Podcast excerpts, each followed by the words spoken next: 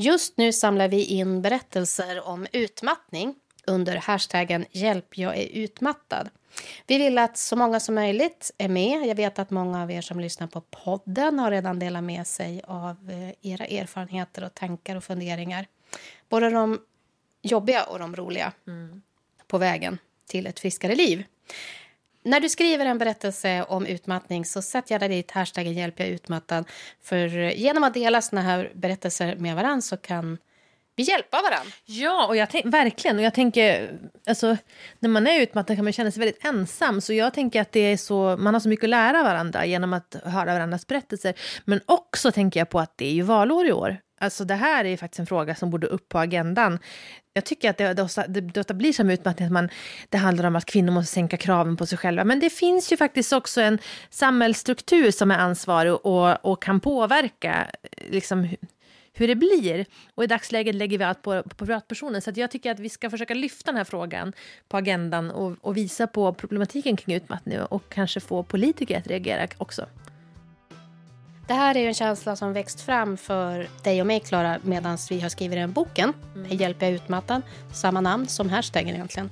Eh, och vår bok kom ut bara nu om ett par dagar. Mm. Men redan nu så vill vi eh, bjuda på lite grann i boken i alla fall för dig som är poddlyssnare. För som vi har sagt förut, den här boken hade aldrig blivit till om det inte var för er.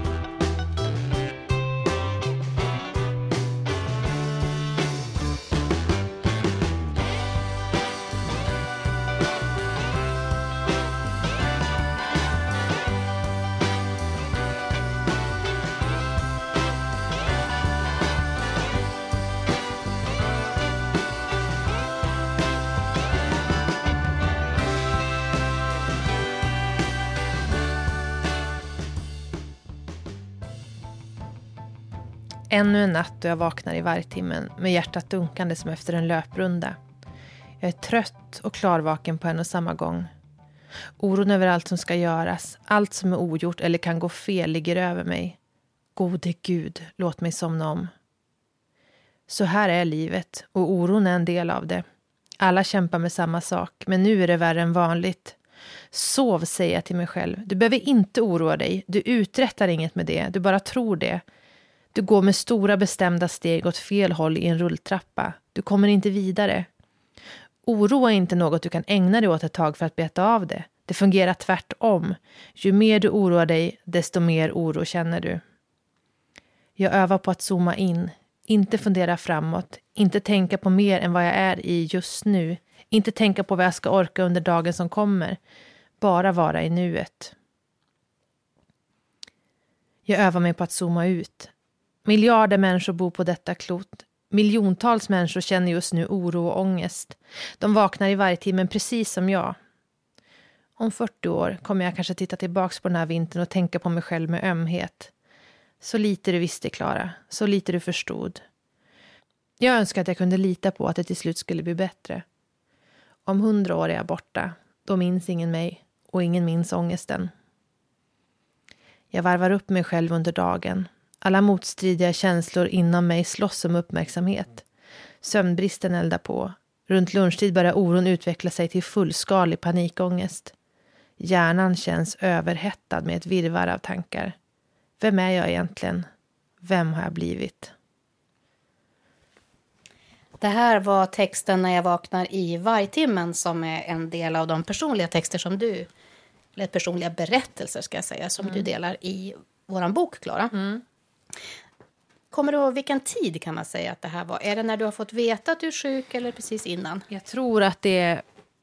Alltså sådana här nätter har jag haft. Eh, innan jag blev sjuk, men också efter att jag blivit sjuk och liksom eh, höll på att tillfriskna. Hade jag ändå sådana här nätter när jag vaknade med ångest. Men den här texten tror jag jag skrev eh, någon gång innan jag kraschade, liksom verkligen blev dålig.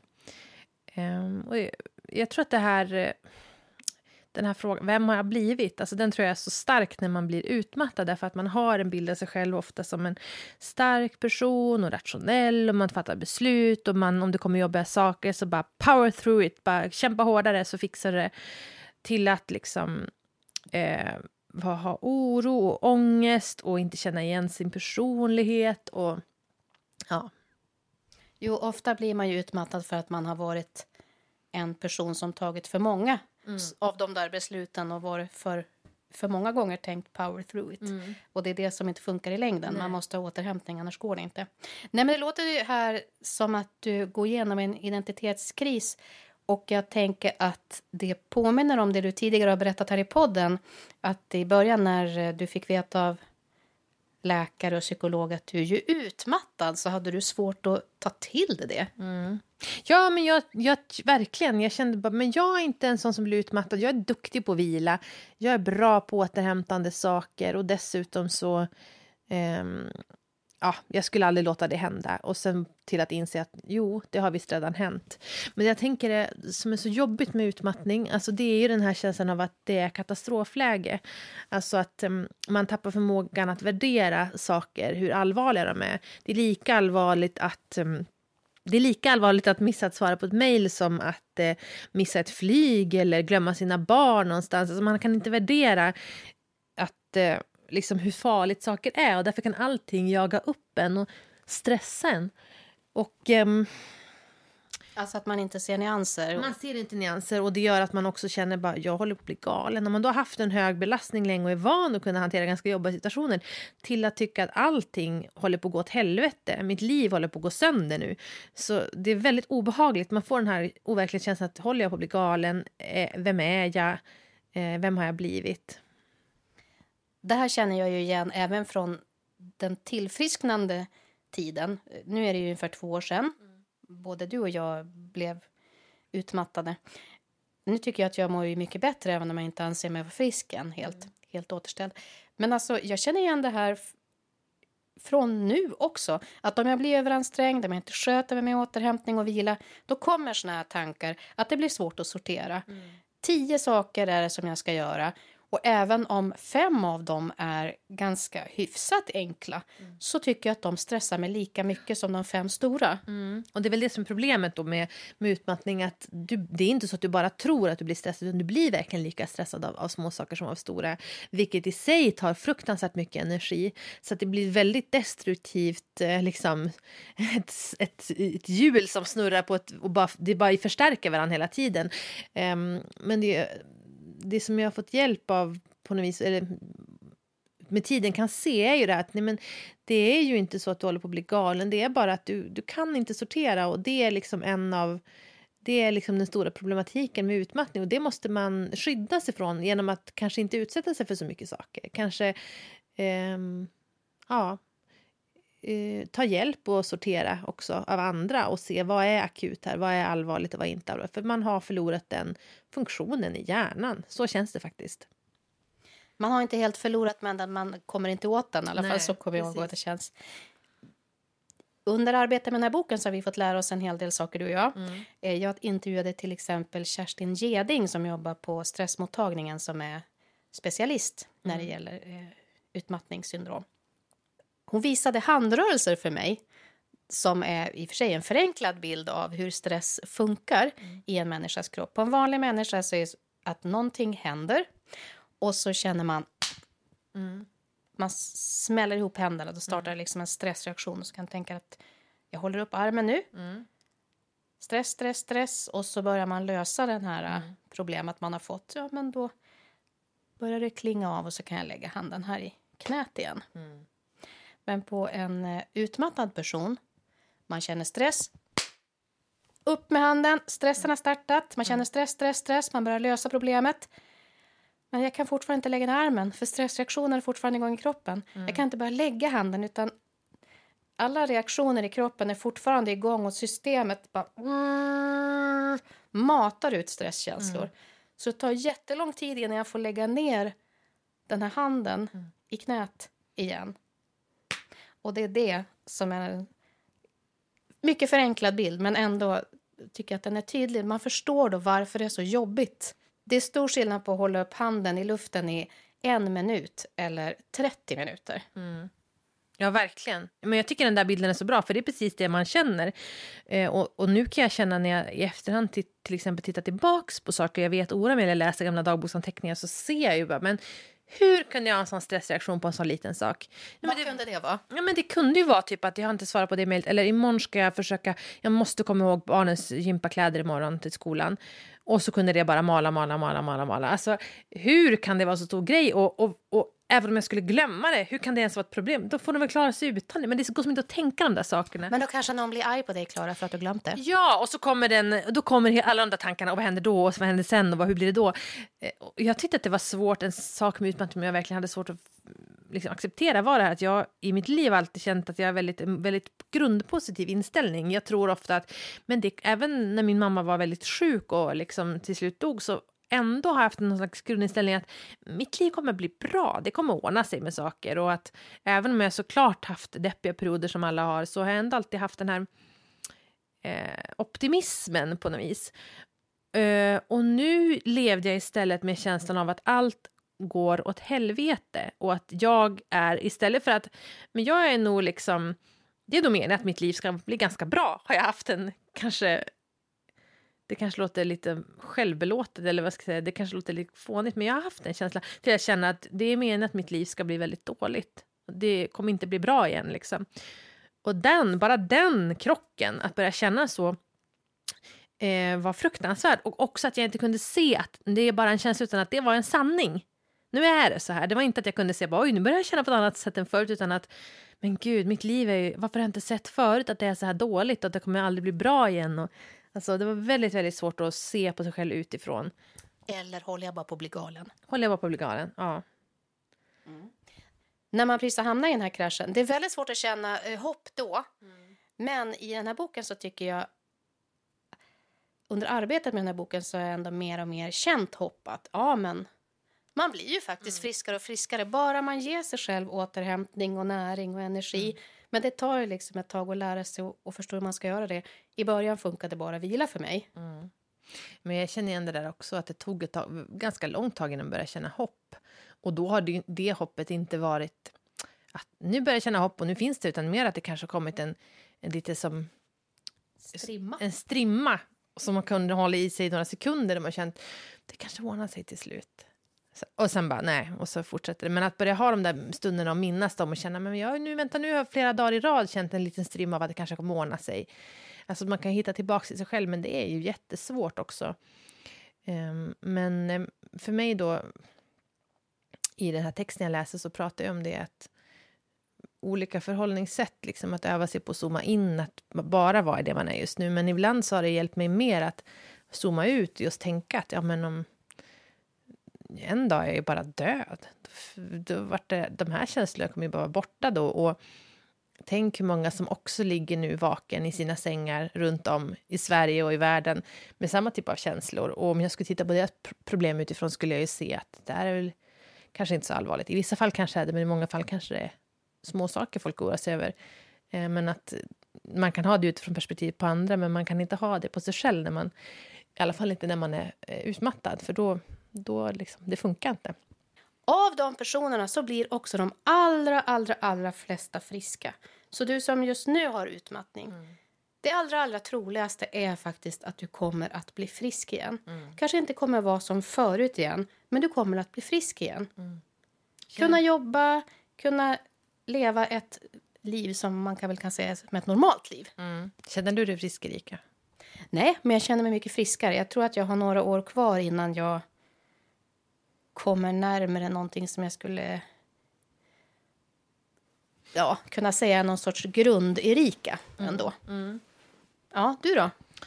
Ja, men, jag känner mig ganska frisk, men sen ibland så upptäcker jag att jag inte är det på såna här saker som att jag vaknar och jag är glad och allt går bra och jag har energi och så tänker jag nu ska jag fara och göra en grej eh, inte vet jag, med min familj. Och så, och så är det mycket folk där och då kan jag bara känna, då går det jättebra, det går jättebra, det går jättebra, till pang går, så känner jag bara, nu måste jag bara hem fort, jag måste bara ut härifrån, jag måste bara tyst, jag måste sitta för mig själv. Det kan handla om att vara på en fest eller eh, vara på en lokal med mycket människor, att det går jättebra tills jag bara måste bara ta min telefon, gå ut och ställa, sätta mig i bilen eller någonting och vara för mig själv.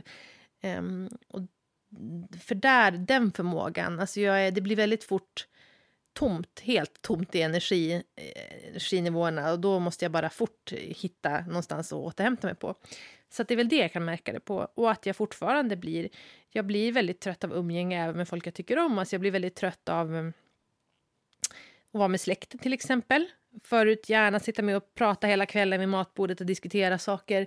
Och nu blir jag jättetrött av det en stund och vill hellre gå och lägga mig på rummet eller sitta en bit därifrån och liksom försjunka i, i något eget. Så på det sättet är jag väl inte helt frisk.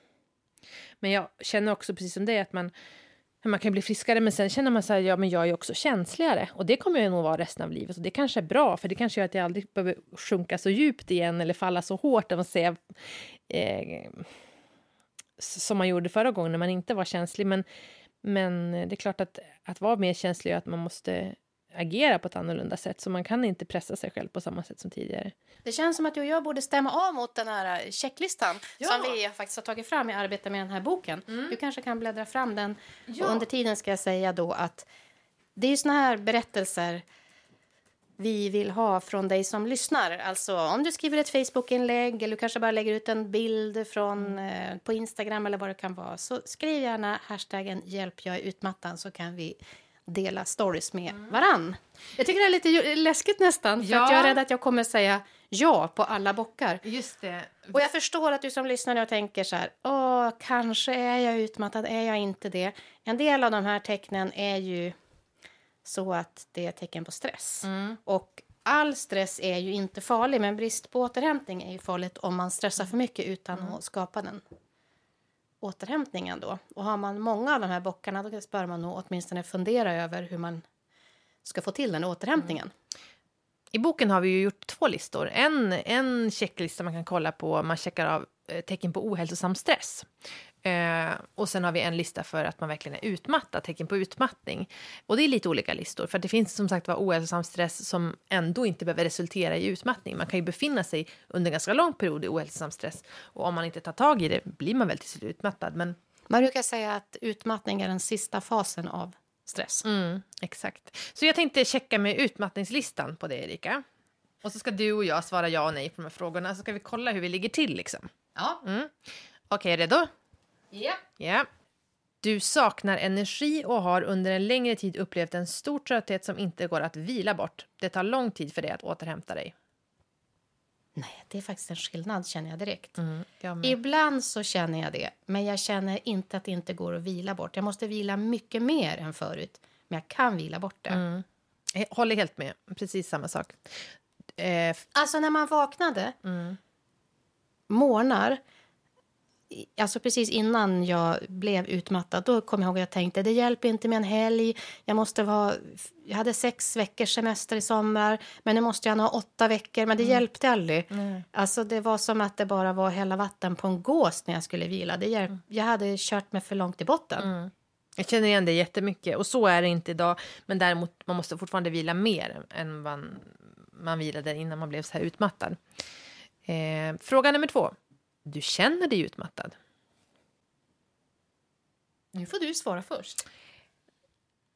Nej, jag känner mig inte utmattad. Men vissa dagar eh, och stunder gör jag det. Och den känslan är ju inte ny, för den tror jag att jag hade långt innan jag blev utmattad på riktigt. Skillnaden är att nu blir jag rädd för den känslan och uppmärksammar och tänker oj, oj, nu måste jag verkligen vila. Medan förut tänkte jag, jag känner mig utmattad, vad konstigt, vad fan, vad lat jag jag känner mig utmattad. Nu bara power through it. Så, så vad skulle du säga? Jag känner mig aldrig utmattad på förmiddagarna längre.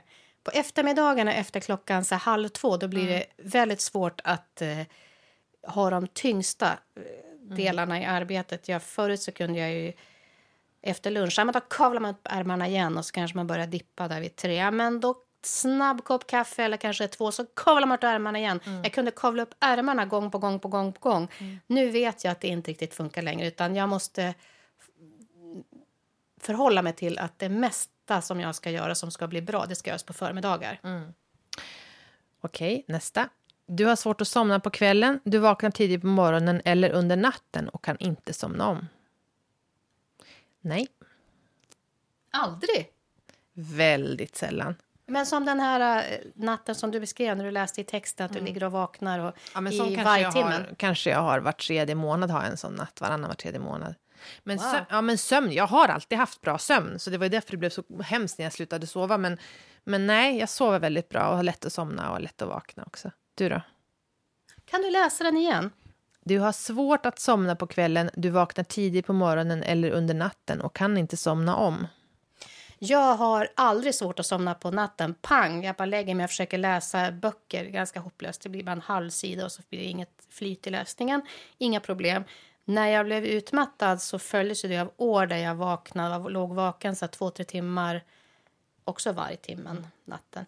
Och eh, jobbade helt enkelt, planerade, tänkte ut saker Fan, eh, för att få det att gå ihop. Så det var inte så konstigt att jag blev utmattad. Jag har ju mycket mindre sån tid nu mm. och känner mig inte orolig när jag vaknar på samma sätt. Det kan jag absolut göra fortfarande, men eh, ja, det är verkligen inte på samma sätt. Men jag tycker det låter som en dröm som du har att ha det en gång mm. i kvartalet. Det är väl nästan ingen gång. Nej, det är nästan ingen gång. Nästa fråga. Du har problem att koncentrera dig, minnet är sämre och det är svårt att planera och genomföra saker du tidigare klarat av. Ja. Ja. jag tycker ofta att jag är vimsig. Ja. Fortfarande att jag inte håller fokus lika länge. Mm. Och om jag har för mycket små saker jag ska hålla reda på så blir det väldigt mycket det här med listor och så måste jag göra en till lista. Mm. Så det har jag inte kommit ifrån riktigt. Nej, men det är precis samma sak för mig. Det är väl kanske där det märks tydligast att jag, jag är är vimsig och har ganska dåligt minne faktiskt, mer än förut. En sak som jag kommer ihåg, vi skulle skriva i boken, där skriver vi om varann, vad vi mm. såg hos varann. Mm. Och en sak som jag skäller på dig mm. för i boken är att du inte har skaffat en assistent. Mm. Men nu har du ju faktiskt det. Mm. Du har tagit tag i den mm. grejen att inte behöva hålla i 52 post-it-lappar ja. på varje finger. Vad har det gjort för skillnad? Nej, enorm skillnad. För det har gjort, det känns som att jag har lagt ut delar av min hjärna på entreprenad eller något. Alltså det, det händer massa saker och jag behöver inte göra någonting. Saker ordnas för mig och jag har mindre relationer att hålla, hålla ordning på för att min assistent sammanställer och, och liksom briefar mig på vad som ska hända. Och det gör jättestor skillnad. För just det här att ha många bollar i luften och hur många konversationer igång, komma ihåg namn och vem, vem jag hade lovat vad. det är nästan omöjligt. Jag, jag är jättedåligt idag. Så det är verkligen, det tror jag, jag kände där ett tag i februari, januari, i vintras att, att jag började känna det här blir inte bra. Alltså det blir, jag börjar tappa flera fler bollar. Jag låg så mycket efter med min inbox. Jag, eh, jag kände mig verkligen bara oj, oj, oj, nu, nu håller det på att bli dåligt igen. Liksom. Men då, då tog jag in en assistent och sen har det vänt, eller det vände nästan på en gång. För det var, det var verkligen inte så att jag egentligen höll på att bli utmattad igen av det. Ehm, att jag var så grundtrött, utan det var mer att, att jag däremot snabbt blev trött när, när jag inte fick kontroll och att jag inte kunde styra upp den kontrollen.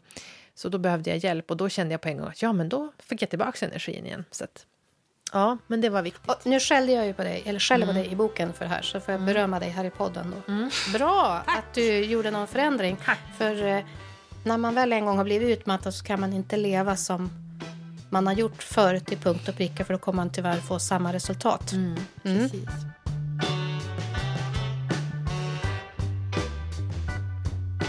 Bokus.com har ett speciellt erbjudande till dig som vill läsa boken Hjälp, jag är utmattad. Mm. Tillsammans med dem har vi tagit fram en blixtkampanj eh, där man under 24 timmar får köpa boken för 149 kronor istället för 189 kronor. Och det gäller den 18 april, midnatt till midnatt. Det gäller alltså att vara snabb, det är det som är poängen med en blixtkampanj. Exakt, och eh, ingen speciell kod behövs eller så, utan man bara går in och klickar hem den, men det gäller bara under ett dygn.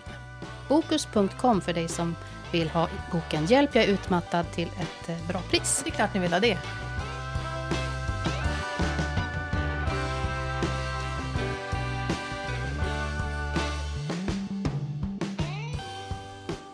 Nästa fråga. Du känner dig orolig och har ångest? Inte så mycket, tycker jag. Ibland, ska jag säga. Inte heller så mycket som det var när jag verkligen var i akutfasen efter utmattningen.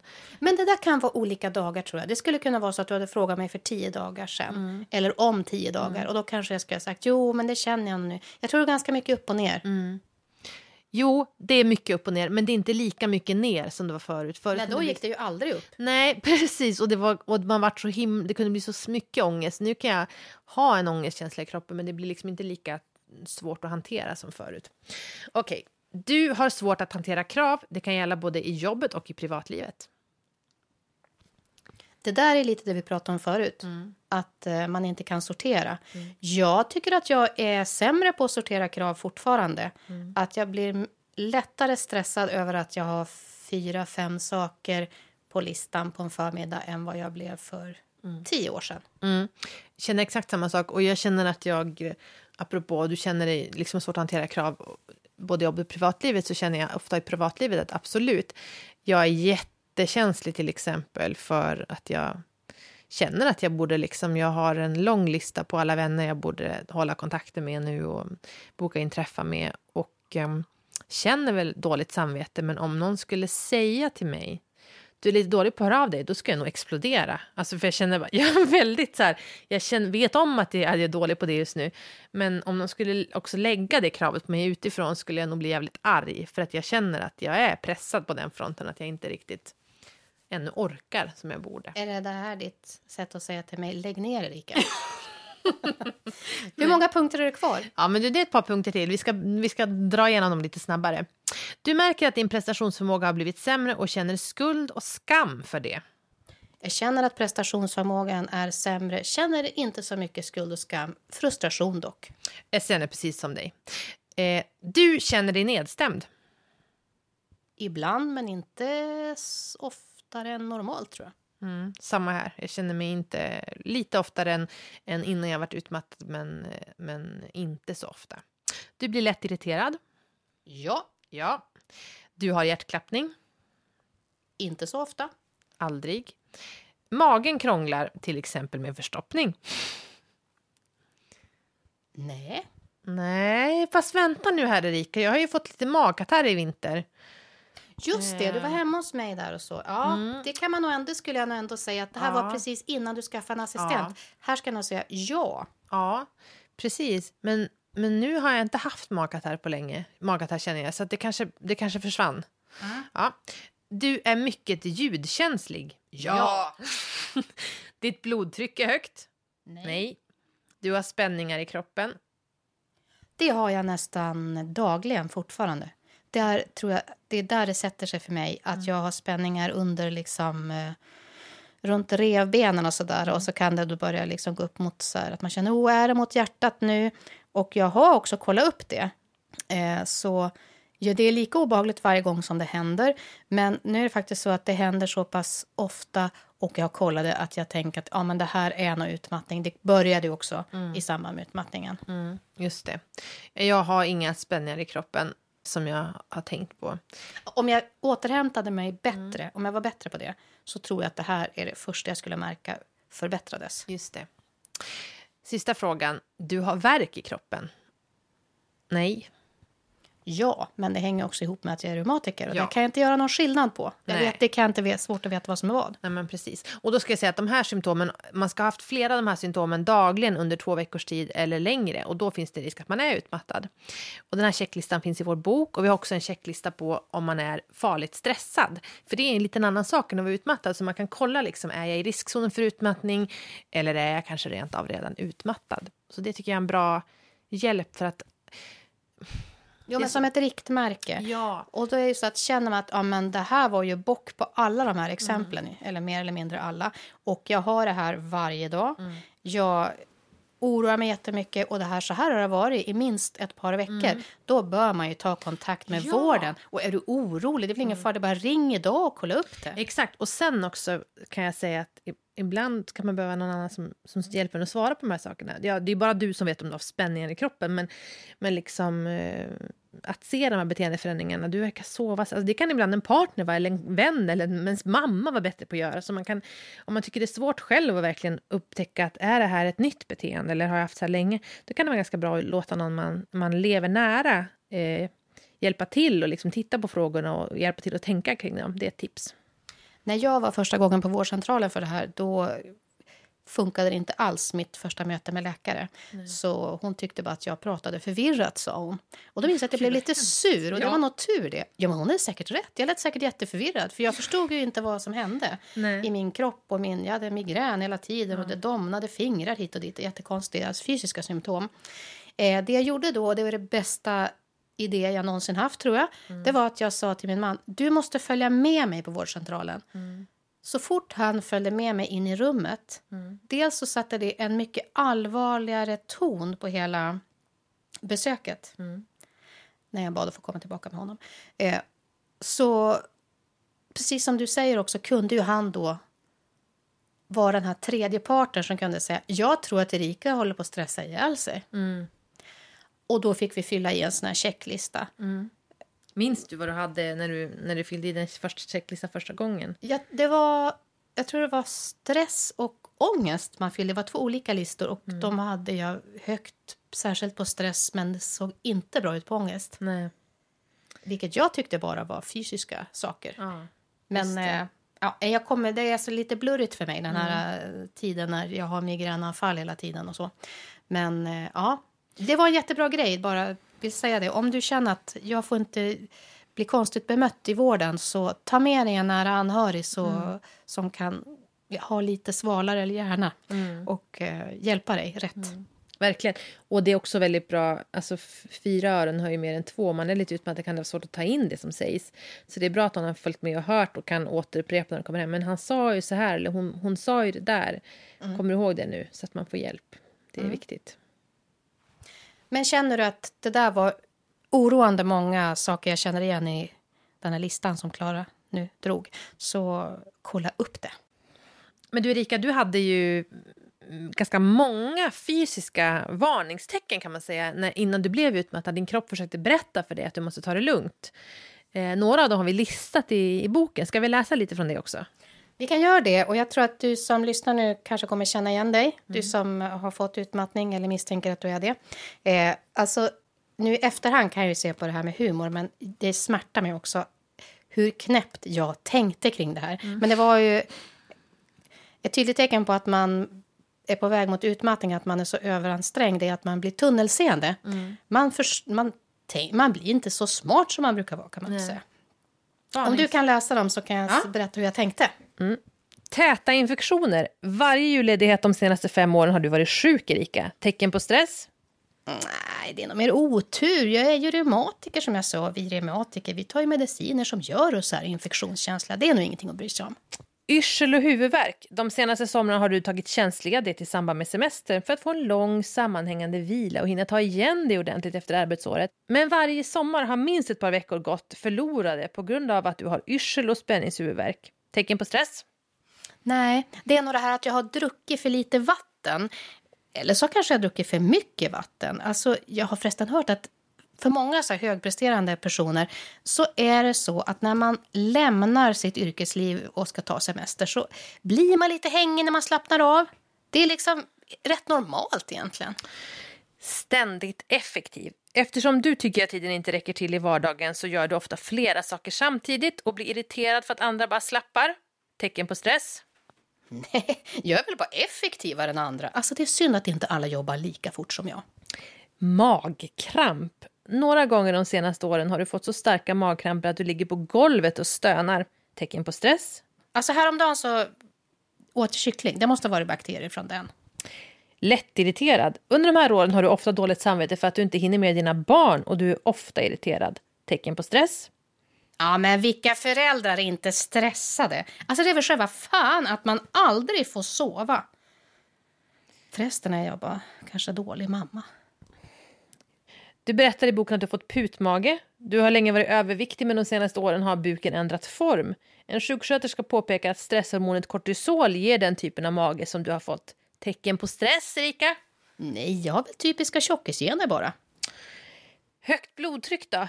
Du som alltid haft lågt blodtryck har plötsligt fått högt blodtryck. Det måste väl vara ett tecken på stress i alla fall. Det är väl för att jag har blivit så här tjock då. Nu när jag fyllt 40 så kanske det börjar visa sig på blodtrycket. Svårt att andas. Periodvis får du återkommande stunder när andningen inte funkar som den brukar. Du måste hjälpa till med musklerna för att dra in luft. Tecken på stress. Nej, shit. Nu är jag bara så tjock att jag inte kan andas normalt. Åh, gud. Ja, eksem. Under de här åren börjar det plötsligt klia och vätska sig bakom öronen. Du ber din reumatolog kolla och han upptäcker ett stort eksem i hela hårbotten. Tecken på stress, Erika. Ja, Nu förstår till och med jag att det är någonting fel på hela mig. Och du som lyssnar på det här förstår ju här att jag har fått en massa, massa varningssignaler. Klara mm. orkade faktiskt uppriktigt sagt inte ens läsa alla. Eh, men jag var väldigt bra på att slå bort dem. Jag tog en blodtrycksmedicin som jag fick och så hade jag ju löst det problemet mm. ett tag. Och då väljer ju kroppen att visa det på något annat sätt. Det blir domningar, fingrar, tappar känseln mm. och sådär. Ja, men då får jag någon spruta och så går det över ett tag och så får man eksem och så börjar jag med salver. Men det var ju faktiskt då jag förstod att det här är inte normalt. Nej, och är inte det som är lite bra med, om man nu ska försöka hitta någon himla positiv grej med utmattning är det att man slutar bedra sig lika mycket. För jag har ju också haft massa sådana här varningssystem fast kanske inte samma saker som, som du har lidit av vad jag har drabbats av, men jag har haft också massa varningar kan jag se efterhand. Och att det jag har gjort då är att sätta plåster på det. Alltså förstår du, jag bara, som du, blodtrycksmedicin eller ja men det, jag behöver bara göra, bara lösa den här grejen så blir det bra, eller bara lösa den där grejen så kommer det gå bra. Men aldrig gå till botten med problemet. Och idag känner jag att jag är mycket mer receptiv för att om jag mår dåligt så kan jag direkt börja fundera på hur är min arbetsbelastning? Förut funderade jag på, eh, jag har ont i huvudet, jag tar en Alvedon. Och nu kanske jag ja, jag har ont i huvudet och jag kan ju visserligen ta Alvedon men jag kanske också ska lägga mig och vila. Eh, inte bara ta en Alvedon och fortsätta jobba. Så att... Men det är ju, det känner jag igen jätteväl, för för mig var det så här, åh vad trött jag är.